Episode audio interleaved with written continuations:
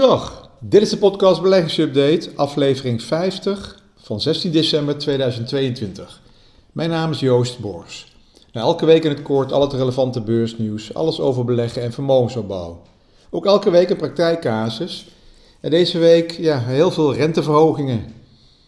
De beleggers waren de hele week in afwachting van belangrijke macro-economische cijfers en de rentebesluiten van een aantal centrale banken, waaronder de belangrijkste, de Amerikaanse, de Fed en de Europese, de ECB.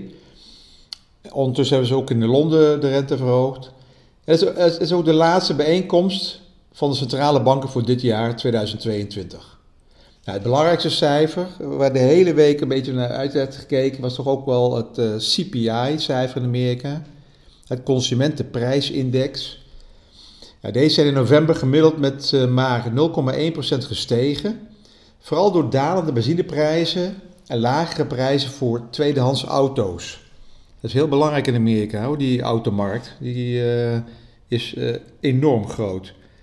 Het is het laagste inflatiecijfer in bijna een jaar tijd. Uh, dit zou kunnen betekenen dat de Amerikaanse centrale bank besluit om de nieuwste renteverhoging, die deze week werd verwacht, iets in te tomen. Nou, dat weet de beurs al. We gaan niet meer uit van die 75 basispunten maar van 50. economen die uh, door een persbureau Reuters werden gepeild, hadden voor november een stijging van de uh, consumentenprijsindex, gerekend op een stijging van 0,3%. In oktober is deze index nog met 0,4% gestegen.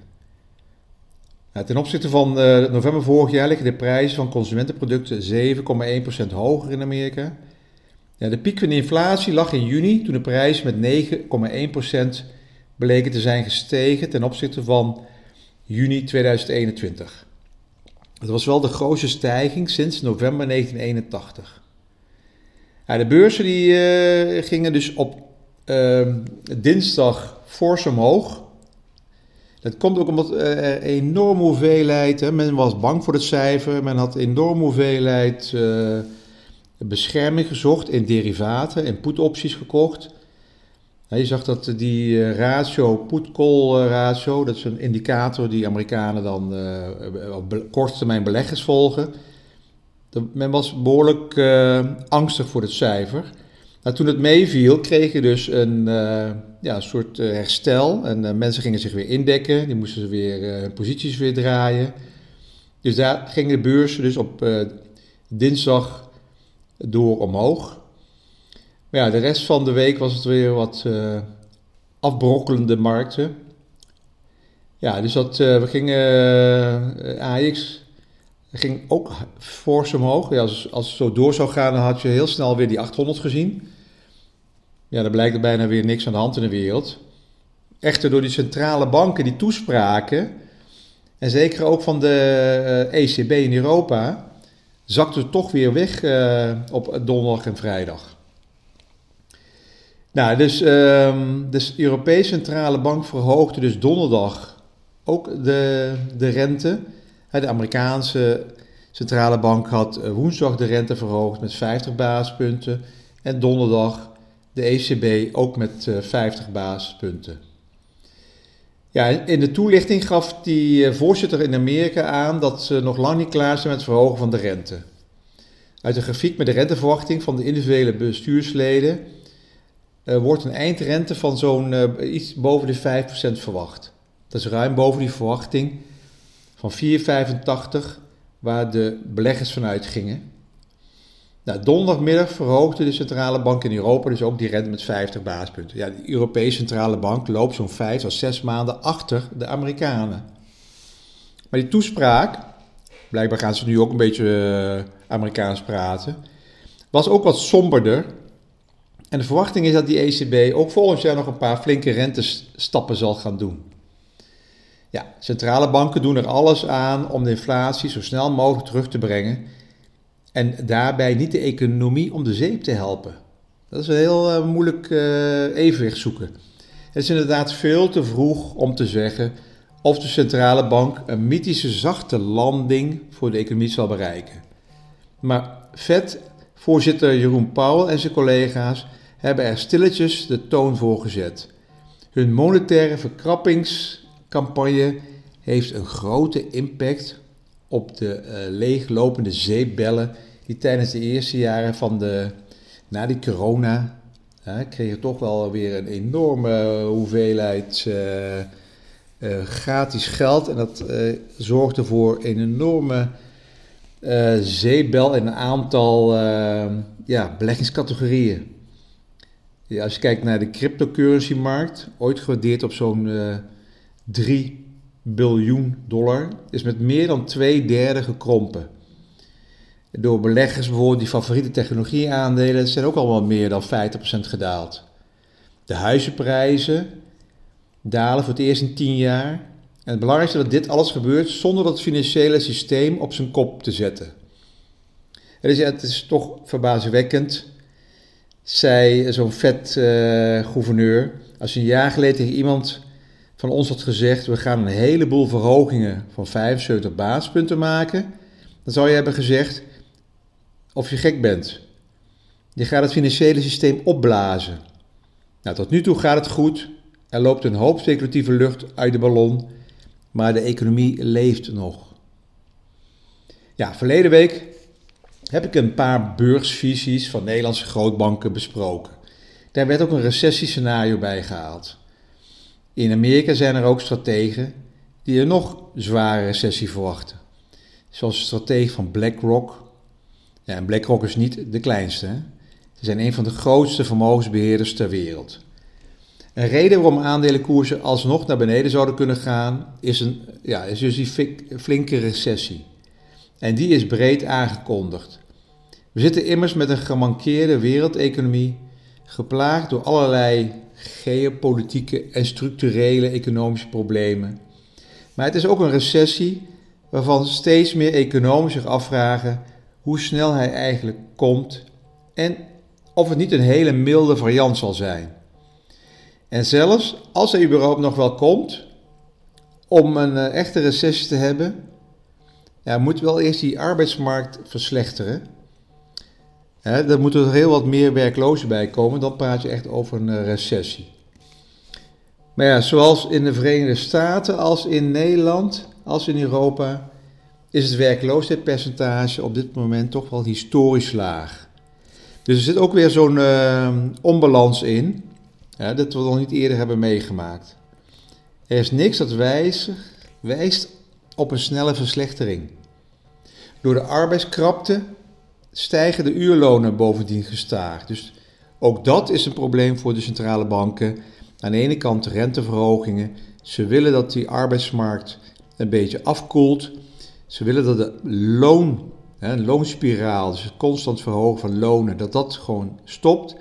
Maar aan de andere kant, door die hoge inflatie, zie je dat overheden nog steeds ook de zorg, zorgen dat men toch nog steeds de consument kan blijven besteden. Door bijvoorbeeld de energierekeningen wat te verlagen en andere dingen. En ook werkgevers die verhogen de lonen. Dus dat, ja, dat werkt ook allemaal niet, uh, niet productief. Dus dat moeten we allemaal eventjes, uh, allemaal eventjes gaan bekijken hoe dat gaat. Mensen hebben dus geld in handen dat ze blijven uitgeven aan diensten van bedrijven en dragen zo bij aan, uh, ja, aan die inflatiegolf. Uh, maar ja, het bedrijfsleven houdt ook nog steeds nog wel redelijk stand. Hè? Dus ook uh, die winstverwachtingen zijn niet altijd ongunstig. Bijvoorbeeld ING verwacht ongeveer een uh, matig tot een hele lage winstgroei, maar nog steeds een hele lichte toename in 2024. En doordat energieprijzen een dalende trend laten zien, de benzineprijs staat bijvoorbeeld nu rond de 1,85 uh, van 2,30 naar 1,85 per liter, neemt die inflatie uh, ook wel wat af aan de energiekant. En hebben consumenten iets meer geld over uh, om weer een extra stimulans te geven aan de economie. Dus uh, daar zie je gewoon constant dat die centrale banken toch moeite hebben om dit allemaal netjes te reguleren. Dus voorlopig verhogen ze de rente, maar dat heeft geen zware impact op de economie tot nu toe. De, misschien komen we toch wel bij die zachte landing.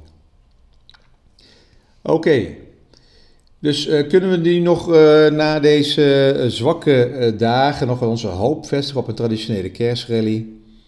Ja, in die decemberperiode komt er historisch gezien vaak een sterke stijging van die aandelenkoersen tussen kerst en het nieuwe jaar in. Nou, precies zijn in de laatste week van december tot en met de eerste paar handelsdagen van januari, de eerste week van januari. Ja, daar heb ik het ook al in de vorige podcast over gehad, hè, die de ouderwetse stocktraders almanak blijkt dat sinds de jaren 60 meer dan twee derde van de decembermaanden inderdaad aardige rendementen hebben laten zien. Als verklaring wordt overigens vaak genoemd dat beleggers zich alvast goed willen positioneren voor januari, wat traditioneel echt een goede maand is voor aandelen. hoe het ook zij, als er genoeg mensen in zijn voor een kerstrally, dan komt hij er vanzelf wel.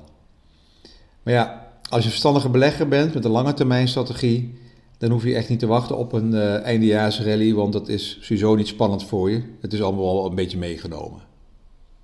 Ja, we hebben nog wel twee weken te gaan in december, dus de markt kan nog verder herstellen. Maar met het cijfer van de consumentenvertrouwen, met de consumentenverkopen, retail sales, die eh, gepubliceerd werden afgelopen donderdag, lijkt het toch wel op dat de economie wat afkoelt de consument laat het een beetje afweten, zelfs met die eh, Black Friday uh, weekend. En ja, zoals je de afgelopen maanden van mij hebt gehoord, is de consument een belangrijke speler voor economische groei. Nou, even die, uh, een andere beleggingscategorie, obligaties. voor obligatiebeleggen is het een extreem bijzonder jaar geweest. Heel slecht jaar geweest. We hebben ontwikkelingen meegemaakt die we in tientallen jaren niet hebben gezien. Een oorlog in Europa, inflatie in dubbele cijfers, de snelste renteverhogingen sinds de jaren 80. Dit heeft vooral voor obligatiebeleggers geleid tot ongekende verliezen. De op drie na grootste verliezen sinds het jaar 1721. Dat heeft de Bank of America becijferd. De Amerikanen houden van statistische gegevens en ik ga altijd weer terug naar die historie. Om er aan te geven dat het een jaar was zoals we misschien één keer in een generatie meemaken. Ja, en om eerlijk te zijn, eh, ik kan het niet snel genoeg afsluiten. Want even iets persoonlijks over mijn eigen pensioenportefeuille. Ik zag in mijn pensioenportefeuille bij een grote verzekeraar dat de obligatiefondsen in die portefeuille het erg slecht hebben gedaan. En daar zat er één obligatiefonds bij. Uh, tussen al die andere obligatiebeleggingsfondsen uh, zat er eentje bij. Ik doe het zelf niet, hè? het is allemaal uitbesteed. Hè? Dus dat, die heet European Government Bonds Long Duration obligaties. Dus Europese staatsobligaties met een hele lange resterende looptijd. Om het even makkelijker te vertalen. Nou, die had een performance dit jaar van min 45%. Ja, ja, min 45%. En als je dan door die uh, profielen heen leest wat ze dan doen, dan kom je termen tegen als zorgvuldigheid, risicomijdend, goed huisvaderschap. Nou, helemaal dus niet als je min 40 tot min 45% staat. Dit jaar. Ja, verder kijkend, als je gaat uh, kijken waar ze dan in zitten dan zie je de, de, eerste 10, pro, 10 topholdings.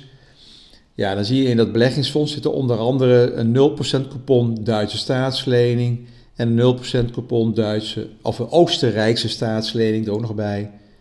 Nou, niet erg als dit uh, kort loopt of als dit 10 jaar zijn. Echter, dit zijn 30-jarige lening zonder een coupon. Nou, dan snap ik wel waarom ze min 40, min 45% uitkomen. Ik zal voorlopig moeten doorwerken, want van het pensioen heb ik weinig te verwachten dus. Nou, in ieder geval dank voor het luisteren. Alles op persoonlijke titel, geen direct advies. Alles op basis van openbare informatie. En eh, tot de volgende week.